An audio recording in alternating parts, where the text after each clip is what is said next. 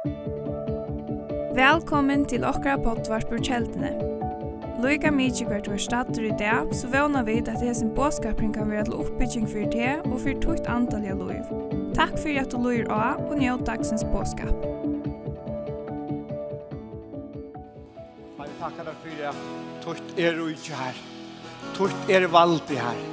Og i alle ræver. Her vi takkar deg for at vi kunne østen bæra proklamera det ute her i morgen her det herre, at tutte rujtje, tutte valde. Og herre, akkurat bøner herre, kom ut ut rujtje herre, og være tunne vilje herre, som i himmelen, så jeg gjør. Herre, være tunne vilje, og gjøkken okken herre. Så sier jeg til herre, kom herre. Vi bjør at dere velkomna herre, av virka, sammen vi okken her i morgen herre. Her er det herre. Takk at du ser herre. Alt er nært jo best for det her. Du ser øyne klart hørv herre en kvann som hever okkur som han ber på herre, som kan være torsført herre, har du sær det her. Har nu by om i Jesu navn, at din høyla ande skal nema herre, vid det innaste, av det innaste herre. Her vil man det bruk for lukkan herre, fægir i Jesu navn. Har du sær det han som er bruk for salalia, grøyen herre, psykiske herre, du sær syken herre, du sær salen herre. Vi byr om i Jesu navn, høyla andre du skal bare nema vi øysen hette økje, Tja menneskene og hører det her. Og ta med som du jag her. Kom hela hand. Kom hela hand. Färger i Jesu navn. Og i Jesu navn, Herre. Hölsebåt Herre. For det likam här. Herre, forløys ut disse hølsebøt. Herre, by om, Herre, at du framaldan skal virka som du langt gjørst her i morgen, Herre, og gjøgn ditt år, Herre. Vi andre tøynen, Herre, at du stedfester det, Herre. Fæger og Jesu navn. Fæger og Jesu navn. Og vi sier bare kom. Och Jesu navn. Amen. Amen, lovsångare. Takk for det. Vi välkomnar sig att kunna løft. Halleluja. Takk Jesus. Takk Jesus. Så gott att synda lovsång till. Fantastiskt. Jeg kan också bara vara ute och göra det. Kanske att du är första man ska tälla. Så er man litt som så løs. Skal ikke bare fortsette ved lovsangen. Men jeg har noen ting som litt gjør munnen hjerte, som jeg tror har noe lagt og mot hjerte, akkurat hjerte, og jeg som samkommer og fire samkommende, som vil døyle her i morgen, og jeg blir virkelig om Guds hjelp, Guds and og Guds liv. Jeg tar vilje ikke at han skal komme og gjøre sitt versk og gjøre noe til, så vi nå også bjør oss frem til å gjøre. Det er akkurat eneste bønn. Og Gud kan, og Gud vil. Halleluja. Takk, Jesus. Takk, Jesus. Jeg husker om at vi har hørt bygge prætika. Vi får at oppmuntra tikkun, etja tikkun til at forhytje etter prætikene som var sørste sundag, her bygge vi tåseie, om at spenne ut teltpellene som man leser morgen og østene, etja var rom. Og så kunne du spørre dere selv om, har vi rom for vekking har vi rom for at ånder skulle komme inn, tatt på, og så det, og så vujere. Og det ligger oss ner at ta vid vilje hava møyre herren, så må vi djeva rom. Og er ikke rom, tror jeg kanskje at det er sånn nek annet som er fyllt opp til oss så kan det godt være at vi må slippe åkken. For så gjerne at var rom for tog som er taverlige. Det som er ekta, det som er større enn alt annet. Det himmelske Guds liv kan jeg si, ja. Og tog halde den bådskapen er utrolig gauer, som er bygd på noen ting som vi har kjent, Guds andi har mynt okken nå, og lagt okken av hjertet. Her gjør det jo. Og jeg husker meg til at, som vi ikke sier, så færre vi til sojus, så er ikke herren sammen. Og kjenne etter, hva sier herren vi okken? Hva sier høyre anden? Profetisk. Og vi kunne jo ødre løyta andan Og vi kunne ødel kjenne etter. Og Paulus sier i Østene at vi vil de öll profetera. Tås av profetsta. Og, og vi kunne ødel Guds anda nema vi til dimensjonerna her vi kjenner etter. Hva vil Herren? Hva sier Herren vi med og vi okkon? Jeg vil lære okkon å lusta. Og vi tar hatt fram i Østene sammen med løyerne og nøytere at jeg ser myndene som vi så og som vi skriver av nye røysen tar vi våre skjermen Her vi så disse her myndene, eller vi kan si sjønene. Guds ord bruker ofte sjøner. Vi bruker ofte året mynter. Her vi så, kan man si, disse her åerløkene kommer ned etter fjallasøyene. Det er hukk som sjøen, det er hukk som er mynd. Og god vis, ofte profetisk, kanskje mynter, han gjør oss i år, som han vil se vi oss Kan vi se oss i sjønene her, sier smarre åerløkene. Du minnes han her morgen da vi var sammen løgjerne, så var det akkurat åer før. Og køyr inn etter og suttje alle disse små og eiene renna som hadde vært torrar. Renna ned etter fjallasøyene, og så lukka så langt nye kom der skjeman, og så så man disse store fossaner, langt nye, til eiene rundt og skjeman, og da blei overføre, og en store fossor.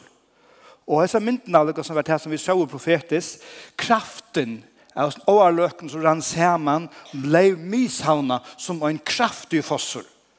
Og da man mishavna nekka, en foss så kan man jo gjøre när gott på sjord. Turbiner man kanaliserar ström och vad det är. Och jeg ser løkene så vidt i myndene komme komma samman. Men samtidig så ut östen så här sjønene i myndene att det var östen överlöker som rundt samman ved, men det rundt fram vid till stora. Det är som att det kommer in och i den stora fossen. Det var några hindringar fram vi som gjorde forengar som gjorde att det som er löser kommer ikke ordentlig nu i.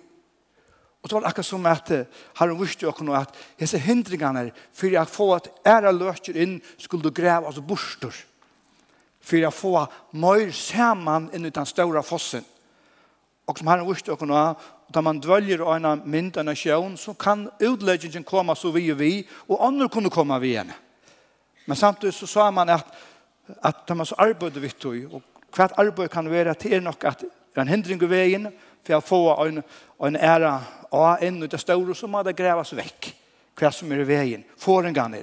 Og andre taler kunne vi si at til bøn, at vi bia at hindringene skulle flyte seg. Etla man er bruk for at tåsa vi mennesker så de forøynes inn i den større fossen. Det bådskapen ned at da fossen kommer sammen, så sitter vi den andre øynløyga som bare fer som en fosser i jøkken til samkommet som vi nå er sammen om. Og tog er det her, jeg sier overløser, det er så området der vi får det sammen. Ikke bare denne sammen ved, men i den større fossen, så det blir som en turbina som kan gjøre kraft. Og denne turbina, en andelig tale, kan være at gjøre andelig kraft ut i samkommene, ut i samfunnet, som berger avskan og verje.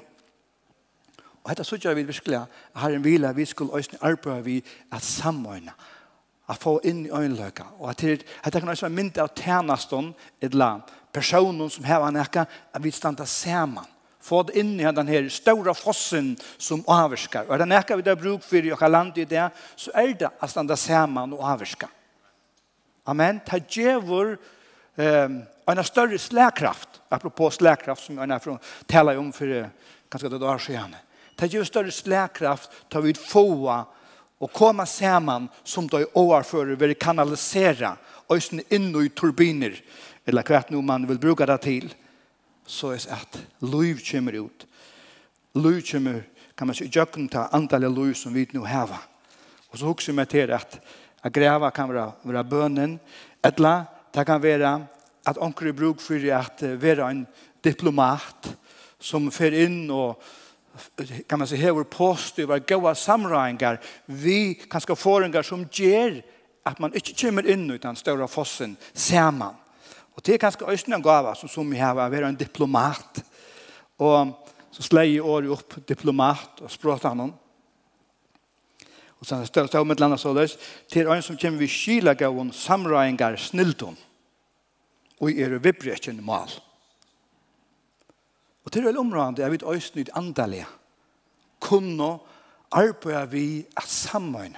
Og, og det er ikke alltid lagt. Og alle av oss kunne takke feil og gjøre feiler, men så kunne vi øyne gjøre nøye til hver annen. Og det er så fremmerskærende vi kunne gjøre det. Men jeg vi be god med hjelp på oss, så la oss vid en større mån kunne gjenge fram og i anda og i kraft. Og det er et år som har øyne gjemmer, som kanskje hever vært et ekko øysen om en anda. Og vi langt og først i åren da vi var sammen i bøn, ofte da vi ber sammen, Larsla, så kunne vi få anker år. Og det var et år som jeg øysen kjenner, er et profetisk år. Det er sindre omdalt jeg bruker den iveskriften av tal. Knappelige. Men jeg, jeg måtte få et året fram. Knappelig. Det er sindre omdalt iveskriften som kom an, altså. Knappelige oppelig at det er en iveskrift. Men hvis hele anden kommer profetisk og sier noe vi og kun knappelige, så det området vi setter sjønner deg, fokus jo av hva sier du her? Hva sier du hele anden? Hva vil du uttrykke?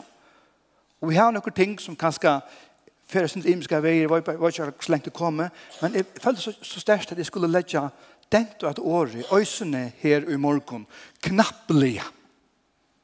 Ikke alltid ødel dama at akkur hentur bara. Oh, som du dama vel er fyrrøga, ikke? Så det er ikke blod, man ikke blod for klakkur.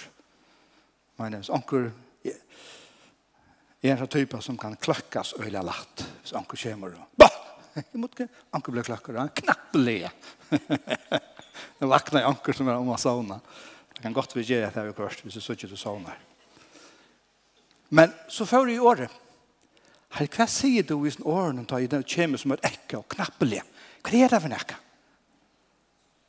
Og første steg vi sier det i Apostelsøvnet til sjående kapittel 2. Og jeg kan så lese sammenhengen, men jeg får gjøre det som det stort, og jeg får ikke teke alt. Men hette jeg tar jo lærersvannene, våre sammen i salen og i erva. Jeg kan spille at dette er i salen og i erva. Ok? Det blir ofte ånds mye pyver, men Vi spiller som man är piver. Det var skärman i sälen i erva. Det var noe som, det visste at jeg ska lova at man äka. Som tar noe øyne samla oss om. Og man damer til at vi har häva näka, att vi samler oss om til. Så det er näka vi at du får vantara. Det stender så lös. Ta i noe kvitt som der og kom. Var det öll kommer sammen av øyne sted. Det var öll kommer sammen av øyne sted. Akkurat så vi nu gör. Og med det var sammen, vi bøn, det hadde jo gjørst selv nerva, det hadde tås om noen ting, har man forvantet. Og så ender det kom knappelige, et la annet broddelige, det er Østnedår, som under tøying brukar, ljø av himmelen som de overfor stormer brester å ha. Ta fylte alt huset som de så du i. Og hentan fyllingen og ta finko, ta var jo hele andans kraft som ble uthelt, og de opplevde av det, fylt vi andan, tåse tunko, då gos ande och Guds liv uthältes en ivor, Jesus var samla i saman og ögonen steg. Wow. Knappeliga. Og et annet sted, som det ösnen vil vursta til apostlasövnen og nudjo, tror jag. Här ständer så oss, Men medan han vær av ve og var kommet nær Damaskus skön knappelige ljøs av himmelen. Hentan støvan er da i Paulus blei omvendt. Han var en støv her han forfyllde det kristne. Han lei finne løyve fra sånne myndeløkken ta, at færa forfyllte han. Hei brøv vi til han skulle sette det i fangstil og mulig drepa deg, stender øysene. Det vil si, her var Paulus med Saul ta, og i møtstå med og var etter dem til kvant. Och så ständer men han vara ve. Av ve. Så ständer men ta skoin knappliga att ljus av himle om han. Och han ble slige ner av Guds kraft. Och god la Jesus tala i han og säger, hvor söker du et mer? Hessa støver var en omvending for Paulus, som var motstånd med Guds folk. Men knappelig. Jeg, jeg, jeg bare understryker at året knappelige kjenner jeg som et år som ikke var med nanta. En ivenekka som er kjenne god til fyrir okken, og du ble så mindre av at det kan noen år i Bibelen som viser av knappelig. Hva er her? Og kapittel 2, 26, hatt er ta i Paulus i for jødska, jøden måtte lukka som vittne. Han måtte ha en, en, en røv, og det ville teka han. Det nu var han så ugen for Jesus, at han var ute i etten å drepa han. Og at det var en støva, kan han ha en verje røv, og ta vittnar han om sina omvending. Her han øyne vurste knappelige, og med deg, så kom etter Josi av himmelige, rundan om meg. Han vittnar her om det opplevelse han hei ved Jesus, at knappelige så ble møttor da jeg var ute etter å drepa dem kristne. Og har han verger røvna fyrir som ranon som er tykjan. Så nu er han så ugen for Jesse.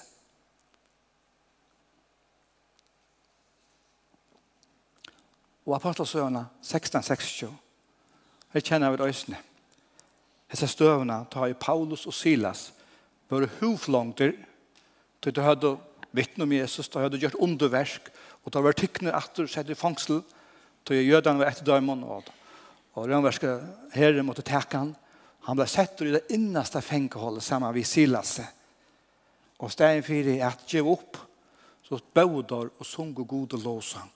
Og så stender, ta kom knappelige, knappelige, store hjerskjolte, så grunnvadleren i fengehusen rystes, og vi tar sama sprung og alla dyr opp, og lunchen er lorsna av ødlån i fangslunån til god møtte Paulus og Silas som var sett ut det innaste fenghuset.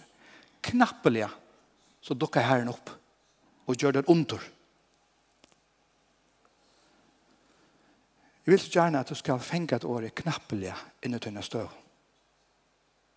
At god vil si okkurst vi te, vi okkom. Og la meg takke det sørste apostelsøven her. At han så la oss, og heter Øysene støva, Her og Paulus er veldig som av ved. Han var i tidsen til fenga, og han var forlist over kipen hon. Og det var kommet av ødene Malta, kipen for han knus, ødene det bjerga seg land. Og så samla det grøyna for å brenne, for å brenne her av stronten, da det var bjerga i. Paulus var vi her. Og så stendte knapplega med han, eller ta i ta i tøyden samla saman, av den så løys, ta i han var biten av en orme, en slanko ta vanta av deg og ta noen han at han får at håna etla knappeliga detta nye deir. Men ta, men ta i ta det boja lunge och så att anke sagt til honom för det hadde huxa Anna och sa att han är en godtor. Her var en støva som var så negativ. Fyrstene, det han var biten av en slanko som nok skulle dripa han. Det tar visst det ta här i byn Handas slangan, hon var giftig. Men inte hänt. Det här vill säga, god vänti en stöva knappeliga till att bliva en stöva. Herr Paulus, nu knappeliga. Här är försatt en godor. men det finns viring och respekt. Och så såg jag då att han gör det under här. Det han bär för det, det högsta här, Amalta. Så här du knappeliga kom in här under stöva her god gjør det nekka, her han skulde av biten noen ved nyestlien, men tvers imot, så ryste han det av seg. Og god vende støvna til nekka som blei et innpass for alle bojen, alle øttene her, til god møtte. Og så kan du spørre en spørning. Hva gjør det at disse falskene, kan man säga, undan disse omstøvene, som gjør det at det får løstes ut knappelig. Hva gjør det at, at, at omstående blir så løs? Kan du spørre, hva hender det? Hva er det som får ut, kan man säga, jeg at knappelig så dukker i Herren opp. Jeg trykker personliga, om vi gjør det rette, til god løyer og til, det som to er kjenner profetisk, eller løyte andan, så skaper vi omstøver her møyre røringer kan komme i at knappeliga forløses. Amen. Vi tar jo tås om byggverden det. vi skulle styrke tjenester for jeg bygger opp samkommeløyf. Det er et år som er til okken. Og tar vi gjør det her som har en løyer okken til så er det en måte, halde jeg, som kan skapa omstøv for at knappelige Så vi gjør det som vi kjenner har en løyre oss til. Et vi ta oss om dette at høyre til oppfylling som vi gjør nække av at vi skaper omstøver til herren og i samkommende som vi nok fra komme morgen nå, at uh, mennesker kunne legges til for en par, følge seg parst av å høre til samkommende ta knappelig Nå var det la meg si at jeg har at God er ikke alltid bunden av okkar omstøvn Ok? Han er større. Og hva ser du god, han knapper bare. Du husker, hva hendte her? Hva var det som gjør det da? Og om du så bare møter en støv, og her man husker, hva gjør det det her? At det skulle slett ikke være så, det skulle være hette. Og så er det god er ikke alltid bunden av okkar omstøv. Det han er større. Men samtidig så halde jeg det områdende at vi ikke misset her at vi kunne selv være vidt til å skapa noen omstøver til at god knappelige bare gruber inn i henne støvå. Jeg trykker det er også om Paulus har omvending som jeg leser om her, tar jo i, kan man si, knappeliga etter komma himmelen, og jeg også lustig opp, så trykker vi er at for Paulus så har han nekv at de er tryggvande som har vært bensje for Paulus bygge for honom som han har saulet. Det er sikkert ikke forpen, gav og god, takk til deg av saulet Har du ruttat du en av vennen, og ni er det här det er by etter, som er också som onkel motståndare och vill dräpa mig. Har ruttat en av vännen, tack deg av honom. Men stegen, eller kanske det här är så mycket mycket vis har det här by har frelst Paulus. møte honom. Så det kan godt være at det var bøn, det stender ikke bønnes at det er bøn for noen, men du kan uimynda det her, til jeg vet hørst om Paulus og bønge for noen, så er, men, hver er bønge for noen, så det første er gjør jeg ofte, til det er feibøn. Det blir. Eller er okkur som er, som er torsfors for meg. Så bygger fyrir til støv. Og jeg tykker øysen her på en, her er nok øysene bønene her som har gjørst er knappelige. Her ute av løyene, ved til Damaskus, midt i midtelen kanskje bygden her, så dukker hele anden opp. Er du kvart? Er det ting som to byer for? Tråar etter. Som bare hender det to ikke vårt auto, men knappelige så dukkar Herren opp, og han møter tog omstøvende, og tar brøytes. Og så hukser vi til her. Vi der jo en samkommeløyve. Vi der nok så nekk, kunne vi sija. Møyre ångt jo som minne ångt, men, men Jagdosen er jo nok så nekk som, som høyre til, som kommer og møte, og det er jo fantastisk. Og så hukser jeg her vi først at, at når man snakker vi, vi snakker vi forskjellig, så er det imes slø av møten som okken damer bedre. Så, og nok stått til at tåsa vi imesk folk, hva som vi elskar, ta det er undervust, ordelige, og det, det dyrka det med sånn. Så er det som som også, åh, det er så torreslitt. Jeg vil liksom du møyre av sånn her ho og hei og, og anda og, og så er det jo, og så er det anker som, da har man bedt at det er sånn det var roligt, altså ta mig til til Paulus på flaksa for nek. Etla bikve etla etla ankar annar. Og og onkel du så gjer vi til. Men onkel så er vi pinna etler. Det kommer fyre. Det kommer fyre. Og vi bara tosa undervisa. Tar du i samkommeløyve, så hever du alla varianter. av hva slag av møte og kondamer, og hva slag av møte vi vil heva. Skuld jeg gjørst en avstemming her nå, og færre spørst, kross av, stillmøter, viddelmøter, midt i middelen, eller et eller annet, så, er det veri, så kunne vi få hukt etter hva skulle vi legge oss etter. Og det meste av oss her. Men så er det, det kunne vi ikke velge og Vi må lete oss løye av andanen, så godt som vi nå, nå kunne, og som vi nå også vilja. Tror vi er ymyk som mennesker. Og så hukser jeg, jeg vil ha med vatten, Så hugsa jeg, hvordan kunne vi få av de som dama ordentlig stittel og rolig møter, og de som dama vill og du vet hva skal hende, de som dama til at hva hender nå? Hvordan kunne vi få det genka sammen hånd og i hånd? Og her halte jeg, fra bavens øyum, så må man gjøre sin kompromien. Det er akkurat som tjonabanden. Mm Du varst i tjonabanden, det er alt jeg ble sige, da jeg undervist med tjonabanden, det er et øyne som steg vi kunne gjøre kompromiser. Til at tjonabanden er så, øyne vil hette, og øyne vil hatta, så må man jo kanskje finne et middelenting. Og det er leie. Et middelenting. Ikke om tås ikke om man færre ut i syndene, men det er ting som man nå ser, man vil, eller tenker avgjør om. Og det her er også, hvordan kunne vi få okken at arbeide sammen? Også om sørste Nastøkste bønnermøte, som er lødt. Og jeg er fire gammel ved alle bønner under sånn ekka. Og jeg byr i andan om mest som atlan det er. Og jeg kjente meg øyne oppbygda. Det var simpelthen måned der, og da man ikke øyre var oppbygda, opp, øyre vera så at man oppbygda for en ek måned der. Det øyre vera ganske torsdag, da det nærkast vikeskiften noen, at man øyre vera synder noe som oppa dobbarna. Men dette var måned der, og jeg, jeg byr og Og med at jeg var bønnermøte, så kjente jeg, og jeg ber nekker i andan, og så var løses det meg. Så kjente jeg bare, bang, jeg ble møtt. Og jeg følte andan kom i meg, bøkstavelig. Og det som var her, de kjente det øsene. Amen. Og jeg knappelig følte, hei, knappelig, så bare en berøring som nærmer meg. Og det er ikke alltid så lagt at man skal løye bønnermøte til man ferdig.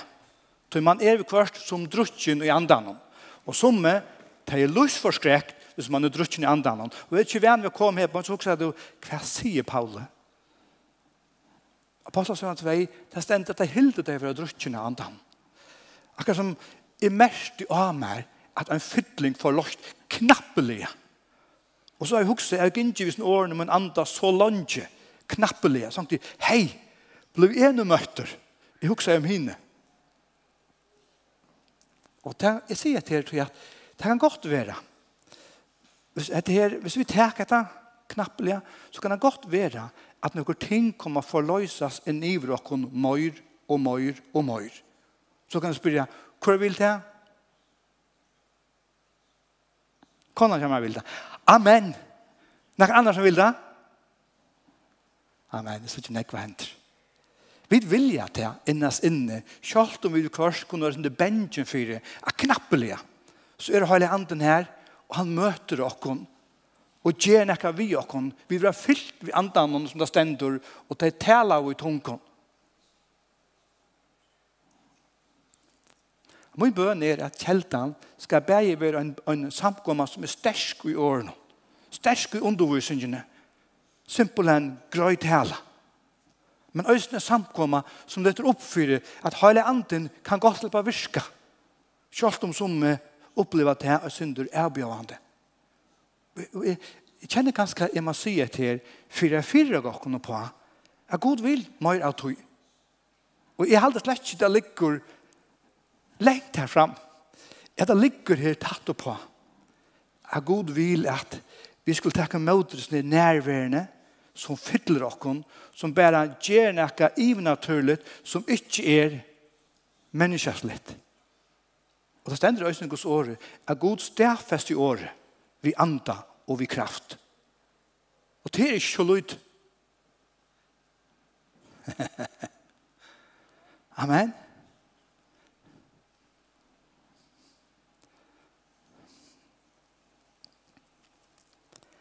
Halleluja. Herren vil bæge heva teg som vilja møyr av det evnaturlige, å få mer, men han vil øyne ha teg som er synd i for deg, å finne en ved sammen. Tog det er bruk for deg. Og her er vi det synd i såla, så sa jeg fire mer. Men øyne hvor biler, hvis jeg hadde automatisk gir, så har han en spytere og en brems. Så, og i samkommunløvene så kunne vi hava teg som bare stand oss byterne. Møyra av oss nær. Møyra av oss nær. Og så har vi de som stand av bremsene. Nå, ikke mer av sånn her, ikke mer av sånn her. Nå er det jo svart og kvitter. Men det er fyrir at da vi skulle skilja nekka som god sier vi okkon, så det er godt du kvart at gjør det øyla svart og kvitt, så fengar vi det. Kanskje her er onker som bruk for at sleppa bremsen i en sintur, så løys at knappelig, knappelig, så hender det for det. Nå kan det være at onker spyter ui så lengt. og man lykker sleppa det synder. Eller man lykker boi etter onkeren som skal vi. Ikke så? Så løs er Guds liv og Guds ande skal streyma fram. Halleluja. Halleluja. Knappelige. Så får løstes ut hentan fytlingen og hentan styrken. Halleluja. Takk Jesus. Jeg har ett annet spår som jag å dreie, men eh, som øyder evangelisering og glede i båtskaperen, som øysten er, tror vi, da vi tås om at høyre til. Ut fra tog båtskapen som vi øysten hadde undervisning om av BSK, om at høyre til, at vinna. Og det er øysten tog vi spyrja, hva slag av møten skulle vi heva? Hva og hvordan skulle vi gjøre? Men vi ble vanlig at her seg her evangeliske stormøtene som udomøter stevner vi mer og god bruk av det mektige Billy Graham, Rainer Bonke så som har vunnet negg mennesker og behenda maten men samtidig så er det også ære hotter som vi kan inntekke for å vinna mennesker for å kalle ut mennesker man kan si alt hever sånne timing hver vi legger fokus på og jeg minnes vi som var av BSK, så hadde vi flere timer som var vi som vittna at de var unge. Og jeg dømte tar av vittnesbord. Jeg vittna om at jeg hadde finnet en dreim. En dreim. Og da man står om at jeg finner en dreim, så stegger jeg ofte av. Hva er dette for dreimer? Og ofte så kan dreimene være og syndere av hva merker han, hva betyr han. Men så var det dreimer som det hadde, og en sier så løs at um, det hadde drømt om at det så en av sånne vinen, som ikke gikk til å møte skolen, som det her var, kommer visse her av møte, og standa ved syne av dem, og vi opplitten hånden. Den dreven heter Finche. Og så sa jeg, wow! Vi vil øye ofte dreimer, så kan være spooky. Men han dreimer om at jeg så syne kan man säga vin av skolan som ikke var frälster sitta samman vissar i upplytten hånden. Og så gjør det alt som er, som jeg taler til min så gärna. Det vet at det gynko ofte i forbund for för sin vinne ofta jäkt ett år og och ofta mör det bo kanske tuttum notter kanskje syndu møyr om det er en fyra dagar Og er det så at det er sin vine som det er så för sig och dreimen och upplytten hånden fikk et jøgnebrott. Og herren knappelige. Du knappelige så breit fire nev. Så er det en høna, homa litja av etjenon fire at øyn det, ter vikene som det skal bøles i vår, og herna brøyde fire nev.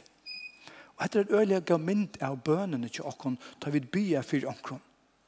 Så her stod Vi, vi kunne ikke bygge meg 8-2, jeg har ikke bygge 20 her for omkron, og knappelig hendte det da jeg ikke vant deg det. Men som. Til området er vi ikke misse etter her. Er knappelig så bryter for nev og det forløses ut. Så er det, da jeg også er med her, så tenkte jeg på etter året Logos og Rema. Nå flyter jeg meg sin fra bådskapen, jeg var ikke med å komme og lage den parten vi som er atleimer. Man lukkar mye klokken gonger. Men det greske året lokos, til det som man vil bruke om tar vi lese bøyplina, Guds år, du leser bare. Det er veldig området der vi leser Guds år. Til akkurat som du drekker av kjeldene. Du leser Guds år, det er fytler det. Men så kan du oppleve knappelig så blir et år rema. Og til mest gjør, er knappelig så er det et år som taler til tøyen og blir personligt. God sier nekka vi til nå. Og minst til, for jeg får et rema, så det er området at du leser år. Det er ikke som at du har kjelden igjen ut der. Kjelden igjen ut der. Men knappt så teker du en skal eller et eller annet og drekker. Det blir rema. Og for jeg får Guds år rema, så må vi dra opptøkene av året lokos til at vi bare inntekker det. Vi bare leser og leser, og så er det her. Jeg husker mange ganger om Petor. Da han var av vattnet om, så kom Jesus gengande i mødetøyen, og Peter sier at det ikke er spørsmål, at det er Jesus. Det har nok illevøver. Og Peter sier, Jesus er det to, så be meg komme. Og Jesus sier, kom. Og han får ut av vattnet. Jesus sier ikke vi hinna lærersvannene her, kom. Man sier det vi Peter som fikk et remår inn i støvene. Og det hendte. Ankte så er vi hørst om anker som jeg har prøvd å huske. Ja, men da er Peter kan gjenge vatten, og så gann i øysene, så hadde jeg prøvd å gjenge vatten, og det er sjokken. Så er det jo, det generelle året du leser det. Men hvis det ikke blir rema for det, så ikke gjenga det av vattnet. Om en annar gonger det av vattnet, det andre finner rema året. Det var bare Peter som fikk det året til det togene, til det han noe, og tog var det for han. Jeg tykker personlig, vi får oppleve, og til knappelig, kan du si, knappeliga så kunde han av vattnet. När han vet jag at han knappeliga fann Daudi att det blir stil. Och så kom vattenstrykmen inn. Og han begynte å söka. Men öjsen her var Herren. til han røpte om hjelp. Men så er det jo... Oh Lord. Jeg kjenner så nekko med en andre at det ekkoar. Det er blitt vi nå i manasvis. Vi slipper ikke fra oss ned. Jeg vet, er det en tøy? Hva er knappelige Herren kommer å møte en omstøv som du steg i og trygg i nekvar. Lønge. Amen. Jeg vil ikke følge suttje noen brått av noen øke. Og hvis du fenger etter her, knappelige er til tøyen,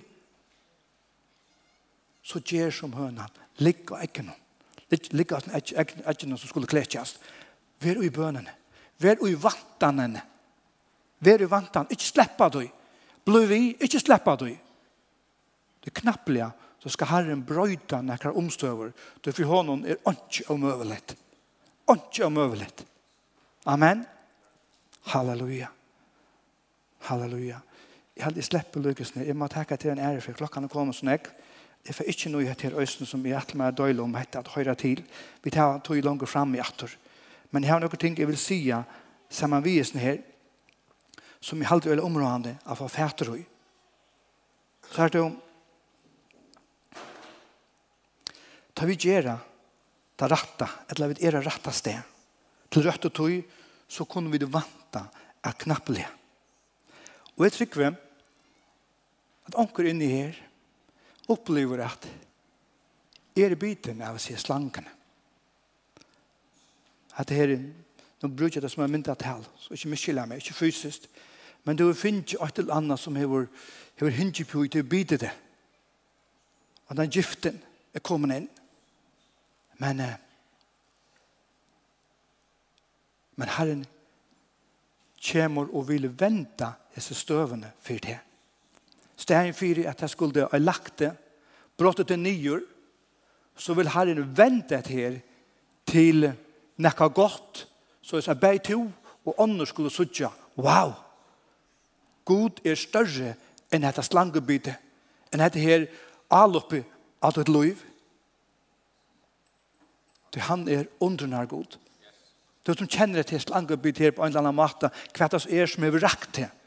Takk deg til du er knappelige, så skal henda støvene ventast til noe godt, noe positivt, til et under uten å løyve, som avvarsker beg til, og akkurat som det er her i Malta, og tøymen utan om det. Det skal dør med til herren. Så ikke missa møte. Takk deg til tøyen.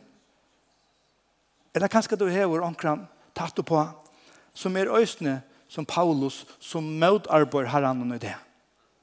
Som møtarbeid. Kanskje det er omkran du er nærmest. Bøtten eller et eller annet til møtarbeid. Jeg kjenner min andre at du skal ikke missa møte her til knappelige. Det er godt at jeg har vent noen ting om bætje har släppt och kanske är syndra med arbetaren. Men Gud kan ösen här som vi Paulus svära bönen att de tryckvande, tynen bönen att hända stövan blir vänt. Då Guds ljus lyser upp i hjärtan och den personen ser attor sannlagan og sannlagen setur og i fratse. Så ikkje missa møte vi er bia for seg støvo. Halt av fram, Du knappeliga skal du sutja at du vent i. Jeg tykker vi året knappelige er et remår for nekver i det. Amen. Som vi skulle teka til okken og ikkje missa møte. Og så er det òsne her, to vilt møyr av Jesus. Fytling andas. Ender nudjan, kvøyting av nudjan. Og ganske angan du finnje fytling andas vi tungetalo som tekjen. Jeg tykker vi knappeliga. Kan du få lov til å oppleva at jeg tog møter oss ned. Det er noe tog en tog. Vanta. Vær i bønne. Og så er det også her, som Paulus og Silas var. Og i fangselen. Det er godt at det ikke er et fysisk fangsel. Ganske anker er det.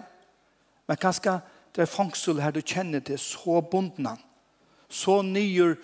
Uh, bundna av omstøvun og ting som er rakt i sørste tøyla, sørste ærla, og, og du bare kjente mer og mer og i sånn fangsle, salarlige, kanskje andalige øsene. Du i fudgen din har sett alt inn for jeg kua det. For jeg halder det atter, halda det, halder det fastan. Jeg trykker for det her øsene året knapplige. Her herren vil grupe inn i støvene Jeg vet ikke om det var hjertet selv, det var det ikke. Og horene er. Men jeg tenker også at hentan frugjøringen for det personlige skal også avvarske ånders som blir løst. Og min bøn er at du skal teka til tøyne etter året, etter rema, etter profetiske året, inn og tøyne støvene. Hvis du kjenner Pauli i øya til knappelige, og jeg vet jeg bruk for deg, så gjør som hønan, bøl av deg. Bøl av deg i bønene. Ikke slippe det, ikke missa det.